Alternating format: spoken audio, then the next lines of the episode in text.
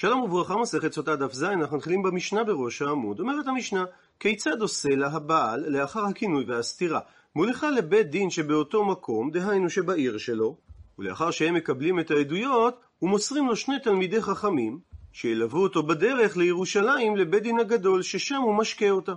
והסיבה אומרת המשנה שהם צריכים ללוות אותו, שמא יבוא עליה בדרך. רבי יהודה חולק ואומר שאין צורך שהם ילוו אותו, מפני שבעלה נאמן עליה. שהוא לא יבוא עליה בדרך. ואומרת הגמרא, תרי ואי הוא, שני תלמידי החכמים, ובנוסף לכך הוא, הבעל עצמו, האטלטה. זה אומר שיש פה שלושה אנשים שהולכים בדרך עם אישה האסורה להם. היא אשת איש, לכן היא אסורה על שני תלמידי החכמים, והבעל קינא לה, ולכן היא אסורה עליו. אז אם כך, לימה מסייע לרב, אולי זה מסייע לדברי רב הבאים. דאמר רב יהודה אמר רב, לא שנו. במסכת קידושין, שמותר לאישה להתייחד עם שני אנשים, אלא בעיר, אבל בדרך עד דאי כשלושה, קיים איסור ייחוד, אלא אם כן יש שלושה אנשים איתה. והסיבה, שמא יצטרך אחד מהם לנקביו, ונמצא אחד מהם מתייחד עם הערווה. אז כך גם במשנה שלנו.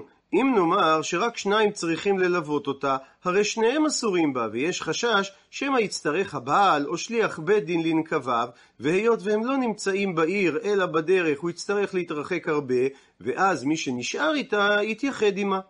ולכן אמרה המשנה כדברי רב שצריך שהם יהיו שלושה אנשים בדרך. דוחה הגמרא שלא בהכרח שהמשנה סוברת כרב, מפני שניתן לומר, החיינו טעמה, כאן במשנה הטעם שצריכים שני תלמידי חכמים ללוות אותו, כי היכי דליהבו עלי סהדי. כדי שיהיו על הבעל עדים, אם הוא יבוא עליה בדרך, והם יעידו עליו לבית דין הגדול, ולא ישקו אותה את המים המרים. ומנסה עכשיו הגמרא לדייק דיוק נוסף. תלמידי חכמים אין, כולי עלמא לא. מלשון המשנה משמע שאכן שולחים איתו תלמידי חכמים, אבל אנשים שהם לא תלמידי חכמים לא שולחים איתו. ואם כך, לימה מסייע ליה לאידך דרב, אולי הדבר מסייע לאמרה אחרת של רב. דאמר רב יהודה אמר רב, לא שנו אלא כשרים. שעם אנשים כשרים אין חשש ייחוד כאשר יש שני אנשים. אבל פרוצים, אפילו עשרה, נמי לא. כאשר מדובר על אנשים שפרוצים בצניעות, אסור להתייחד איתם אפילו אם יש שם עשרה אנשים. והוכחה לדבר, מעשה היה, והוציאוה עשרה אנשים לאשת איש במיטה מחוץ לעיר בחזקת שהיא מתה כדי לקלקל עמה. ומאותה סיבה הצריכה המשנה שדווקא תלמידי חכמים ילוו את הבעל. דוחה הגמרא שלא בהכרח זו הסיבה, מפני שניתן להסביר, הכא היינו טעמה, כאן במשנה הטעם שהצריכו דווקא תלמידי חכמים, דיה די לאתרויי בי, שהם יודעים להתרות בבעל ולומר לו שמן התורה כשאין האיש מנוקה מעוון. זאת אומרת, במידה והוא בא לאשתו הסוטה משנאסרה עליו, אז אין המים בודקים את האישה. ציטוט מהמשנה, רבי יהודה אומר בעלה וכולי. מביאה הגמרא, תניא. שנינו בתוספתא, רבי יהודה אומר, בעלה נאמן ולא צריך לשלוח איתו עדים, מקל וחומר. ומה נידע שהיא בכרת, דהיינו באיסור חמור שהוא איסור כרת, ובכל זאת בעלה נאמן עליה, ואין צריך להעמיד עדים אצלו כאשר אשתו נידע שהוא לא יבוא עליה? אז אשתו סוטה שהיא בלאו, שזה איסור קל יותר? לא כל שכן שהבעל יהיה נאמן שהוא לא יבוא עליה? ורבנן לעומת זאת סוברים, היא הנותנת. בדיוק מהסיבה הזאת שאיסור סוטה הוא איסור קל יותר מאיסור נידה, זוהי הסיבה שבסוטה צריך עדים. מפני שהסיבה שבנידה לא הצריכו עדים, דכרת חמיר עלי, שאיסור כרת הוא איסור חמור יותר, ולכן הוא מהימן הבעל שאינו בא עליה. לעומת זאת, איסור הסוטה על הבעל דלאו, זה רק איסור לאו, שהוא לא חמיר עלי, לא כל כך חמור על הבעל, ולכן ולא מהימן. ודווקא בגלל זה יש חשש שהוא יבוא עליה, ולכן הוא לא נאמן. מקשה הגמרא ורבי יהודה מקל וחומר, מה יתלה? הוא לומד את הדברים מקל וחומר, והרבי יהודה מקראי מה יתלה? הוא לומד את הדברים מפסוקים, דתניא, שכך שנינו בברייתא, על הפסוק נקרא בפנים, והביא האיש את אשתו אל הכהן, והביא את קורבנה עליה עשירית היפה קמח שעורים, לא יצוק עליו שמן ולא ייתן עליו לבונה, כי מנחת כנאות הוא, מנחת זיכרון מזכרת עוון. הוא מדייק את הברייתא, שמן התורה, האיש מביא את אשתו. אבל אמרו חכמים שהוא לא יביא לבד, אלא מוסרים לו שני תלמידי חכמים, מהסיבה שמא יבוא עליה בדרך. רבי יוסי חולק ואומר שאין צורך לשלוח איתו עדים, מפני שבעלה נאמן עליה מקל וחומר. ומה נדע שהיא בכרת בעלה נאמן עליה? אז סוטה שהיא בלאו לא כל שכן, דעתו של רבי יוסי תואמת לדעתו של רבי יהודה.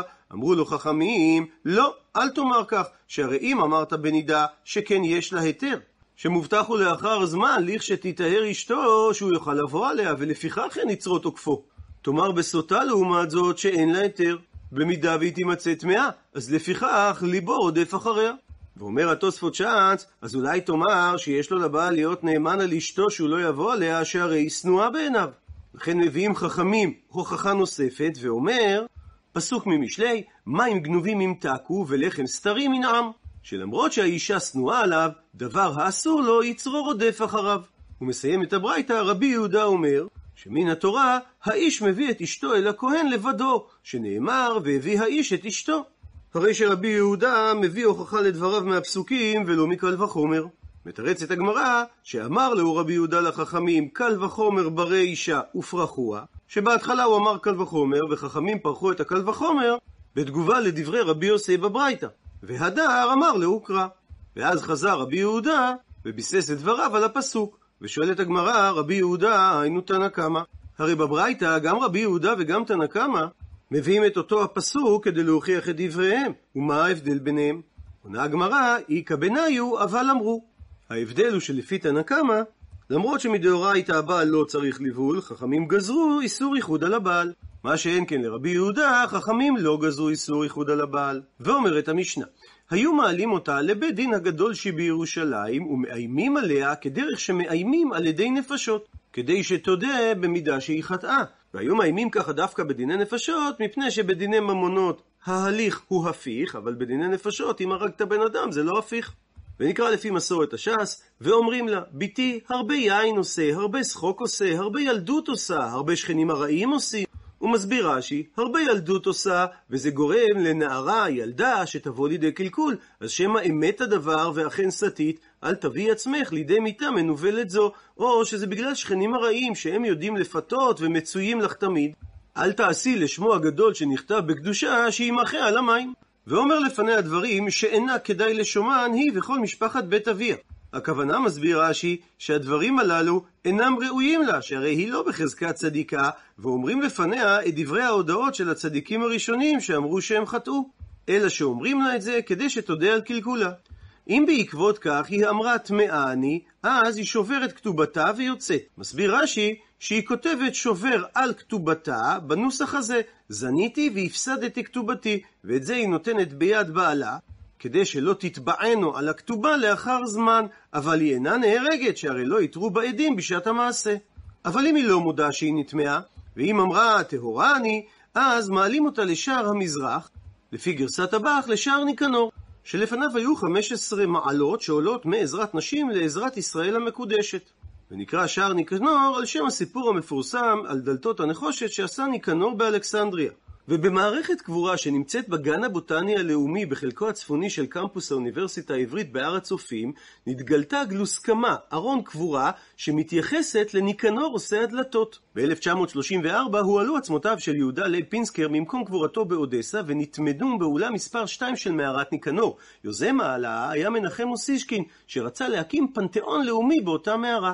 בישיבת הקרן הקיימת לישראל בשנת 1934 נכתב בפרוטוקול היושב ראש הודיע כי חלקת האדמה אשר בה נמצאת מערת ניקנור במערה זו הובאו למנוחת עולם עצמו דוקטור י' ל פינסקר ז"ל נכללת באמת הקק"ל המסורה לאוניברסיטה הואיל וחושבים להשתמש במערה זו למקום מנוחת עולם לאנשי שם יהודיים. על כן הוא מציע כי ההחלטה על דבר חלוקת כבוד זה תימסר לוועדה המורכבת מנשיא ההסתדרות הציונית, נשיא הקק"ל ונגיד האוניברסיטה, ההצעה התקבלה פה אחד. אולם רעיונו של אושיסקין לא יצא לפועל, והאדם השני והאחרון שנטמן באותה מערה בצהרי יום שישי השלישי באוקטובר 1941 היה אוסישקין עצמו. חלקת גדולי האומה הוקמה לאחר קום המדינה בהר הרצל, בין השאר מכיוון שהר הצופים באותו זמן היה מובלט בתוך שטח ירדן. וממשיכה המשנה, ששם, בשער ניקנור, משקים את הסוטות, ומתארים את היולדות, ומתארים את המצורעים.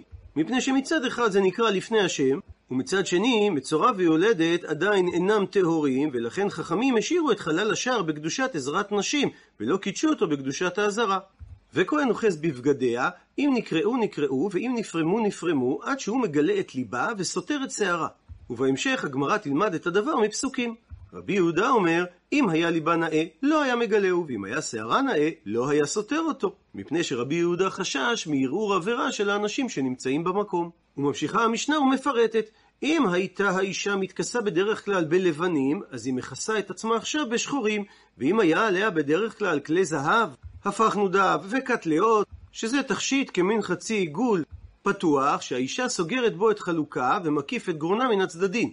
וכן אם היא הייתה עם נזמים וטבעות, אז מעבירים ממנה אותם כדי לנבלה. ואחר כך מביא הכהן חבל מצרי, הוא מסביר רש"י שזה נקרא חבל המצרי כי הוא עשוי מצורי דקל, שזה סיב הדקל שגדל סביב הדקל וכרוך עליו. וקושרו למעלה מדדיה, כדי שלא יישמטו בגדיה לארץ, וכל הרוצה לראות את הטקס הזה, זה פתוח לקהל הרחב, הוא בא לראות, חוץ מעבדיה ושפחותיה, מפני שליבה של הסוטה גס בהם. שכשאדם רואה את בני ביתו, אז דעתו דווקא מתגברת עליו, והיא לא תירא ולא תודה בפניהם גם במידה והיא נטמעה. ואנו מבקשים שהיא תודה, כדי שלא יימחה שם הקודש על המים. וממשיכה המשנה, וכל הנשים מותרות לראותה, שנאמר, פסוק ביחזקאל נקרא בפנים, והשבתי זימה מן הארץ, ונבשרו כל הנשים, ולא תעשינה כזימתכנה. ושואלת הגמרא, מנענה מילי, מה המקור לכך שצריך דווקא בית דין הגדול של 71? שהרי ברור שבירושלים צריך להשקות אותה, כמו שכתוב, והעמיד הכהן את האישה לפני השם. אבל הרי בנוסף לבית דין הגדול, היו שם עוד שני בתי דינין שהיו שם של 23 דיינים. אחד היה יושב על פתח הר הבית, ואחד היה יושב על פתח העזרה, כמו שאומרת הגמרא בסנהדרין. עונה על כך, אמר רבי חייא בר גמדא, אמר רבי יוסי ברבי חנינא, עטיה, בא הדבר ונלמד מגזרה שווה, תורה תורה. כתיב האחה. כתוב כאן בפסוק נקרא בפנים, או איש אשר תעבור עליו רוח קנאה וקנאה את אשתו, והעמיד את האישה לפני אדוני, ועשה לה הכהן את כל התורה הזאת. וכתיב הטעם, וכתוב שם לעניין זקן ממרא, נקרא בפנים, על פי התורה אשר יורוך, ועל המשפט אשר יאמרו לך תעשה, לא תסור מן הדבר אשר יגידו לך ימין ושמאל. ולומדים בגזרה שווה. מה להלן לגבי זקן ממרא? מדובר ב-71, שהרי כתוב שם מן המקום ההוא, דהיינו המקום המיוחד, שזה לשכת הגזית. שאין הוא נידון כזקן ממרא, אלא אם כן הוא אמרה, הוא ראה שהוא שמע מהם, כאשר הם היו במקומם בלשכת הגזית. אף כאן בסוטה מדובר בהרכב של ב-71 דיינים. ציטוט מהמשנה, ומאיימים עליה וכולי. מקשה הגמרא הורי מינוס, סתירה ממקור תנאי. שאמרה התוספתא שהאיום הוא לא חד-כיווני, אלא כדרך שמאיימים עליה שלא תשתה, כך מאיימים עליה שתשתה. אומרים לה, בתי, אם ברור לך דבר, שטהורת, עמדי על בורייך, תעמדי על שלך, תסמכי על זה שאת נקייה, ולא נטמאת, ושתי. והסיבה, לפי שאין המים המרים דומים, אלא לסם יבש שמונח על בשר חי. אם יש מכה, אז מחלחל הסם ויורד, אבל אם אין שם מכה, אינו מועיל כלום. ולכן אם לא נטמאת, את לא צריכה לפחד. עד לכאן לשון התוספתא, וקשה על המשנה, שלא ציינה שמשכנעים אותה גם לשתות את המים. מתרצת הגמרא לא קשיא. כאן במשנה מדובר קודם שנמחקה המגילה, כאן בתוספתא מדובר לאחר שנמחקה המגילה. הוא מסביר רש"י, במשנה מדובר קודם שנמחקה המגילה, וכדי שלא יימחה השם על המים, מאיימים עליה שלא לשתות, אבל לאחר שנמחקה המגילה, אומרים לה דברי תנחומים, לשתות את המים אם היא נקייה כדי להתירה לבעלה. שלא תירא מן המים ותאמר טמאה אני, כאשר היא בעצם טהורה, ואז היא סתם תוציא לעז על עצמה ועל בניה. ציטוט מהמשנה, ואומר לפניה וכולי, תנו רבנן שנו רבותינו בברייתא. מה הדברים שהכהן היה אומר לפניה? היה אומר לפניה דברים של הגדה ומעשים שיראו בכתובים הראשונים, כגון הדרשה על הפסוק באיוב נקרא בפנים, אשר חכמים יגידו ולא כיחדו מאבותם. שזה יהודה שהודה ולא בוש. מה היה סופו? שנחל חיי העולם הבא. ואותו דבר ראובן שהודה ולא בוש. מה היה סופו? שנחל חיי העולם הבא. ומה שכרן? ופותחת הגמרא סוגריים ושואלת, מה זאת אומרת מה שכרן? כדקאמרינן, בדיוק מה שאמרנו, שהשכר שלהם היה שהם נחלו חיי העולם הבא. אלא מסבירה הגמרא, הכוונה מה שכרן בעולם הזה. ועל כך עונה הברייתא בפסוק מאיוב, להם לבדם ניתנה הארץ, ולא עבר זר בתוכם. הוא מסביר רש"י, להם לבדם ניתנה הארץ, שיהודה זכה למלכות, וראובן נתן חלק תחילה בארץ בעבר הירדן. ולא עבר זר בתוכם, הכוונה לפי מה שדרש רבי תנחומה, ומתי לא עבר זר בתוכם? כשבא משה לברכן. שמשה מברך תחילה את ראובן, ומיד הוא ממשיך ומברך את יהודה. עד לכאן לשון הברייתא, ושואלת הגמרא, בישלמה ביהודה אשכחן דאודי. נוח לי להבין שיהודה הודה על כך שהוא חטא, שהרי מצאנו, דכתיב, שכתוב לאחר מעשה תמר, ויכר יהודה ויאמר צדקה ממני, כי על כן לא נתתיה לשל אבני, ולא יסף עוד לדתה. אלא ראובן מנהלן דאודה, מה המקור לכך שהודה בחטאו?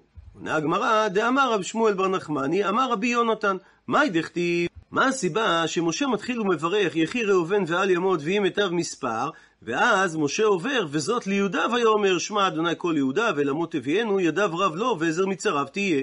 מדוע הסמיך משה את ברכת יהודה לראובן, ודילג על הברכה של שבט לוי, וגם אין לך בברכת כל השבטים אלא ברכה זו שמתחלת במילה וזאת. ועל כך דרש רבי יונתן, כל אותן שנים שהיו ישראל במדבר, היו עצמותיו של יהודה מגולגלים בארון. שאת עצמות כל השבטים העלו בני ישראל ממצרים, והוא שאמר יוסף, ועליתם את עצמותיי מזה איתכם, דהיינו עם עצמותיכם.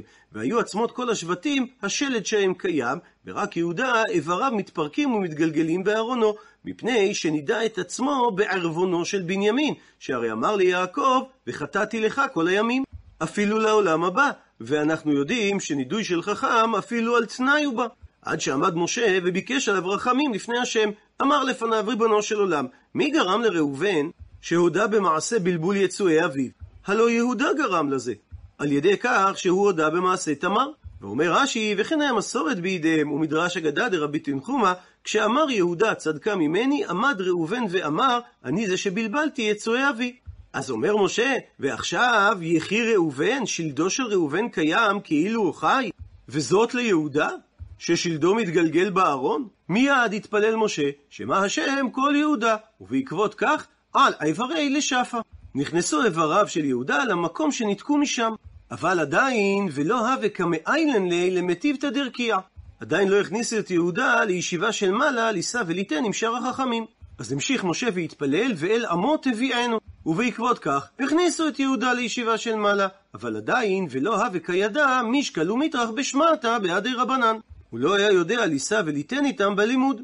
המשיך משה והתפלל, ידיו רב לו, שיהא ליהודה ניצחון לריב את ריבו. ואומר רש"י שזה שכתוב ידיו לשון מלחמה, וזה רומז למלחמתה של תורה. אבל עדיין, לא הווה כסלקא לשמטה אליבא דהילכתא. לא היה יהודה זוכה לומר דבר המתקבל להלכה. המשיך משה והתפלל, ועזר מצריו תהיה. שיהודה ינצח במלחמתה של תורה, ותתקבל להלכה כמותו. ושואלת הגמרא, בישלמה יהודה דאודי. מובן הדבר, מדוע יהודה היה צריך להודות על חוטו, כי היכי דלא תישרף תמר, שהרי אם הוא לא היה מודה על הדבר, אז תמר הייתה מוצאת להישרף. אלא ראובן, למה לדאודי? איזה סיבה היה לו להודות? והאמר רב ששת, חציף עליי, מאן דמפריד חטאי. אדם שמפרט את חטאו ברבים, זה דבר שהוא חצוף, כי נראה שהוא לא נכלם בדבר. אז איזה סיבה הייתה לראובן להודות בדבר? מסבירה הגמרא שהסיבה שראובן הודה שהוא בלבל את יצואי אביו, כי היכי דלא לכשדהו אחוי, כדי שלא יהיו שאר אחיו נחשדים מאביהם בדבר. ציטוט מהמשנה, אם אמרה טמאה אני וכולי, ומדייקת הגמרא, שמעת מינה שכותבים שובר. מסביר רש"י שיש מחלוקת של רבי יהודה ורבי יוסי בבבא בתרא, שאמר רבי יהודה שאין כותבים שובר, אלא אם כן יקראו את השטר תחילה. שכאשר אדם בא לפרוע חוב שיש לו עליו שטר, בתמורה לתשלום החוב, מחזיר לו המלווה את השטר. אבל כאשר המלווה טוען שהוא איבד את השטר, והלווה מודה שיש חוב, אומר רבי יהודה שלא מחייבים את הלווה להחזיר את השטר, מפני החשש שמא המלווה יוציא לאחר זמן את שטר החוב ויתבע אותו בבית דין.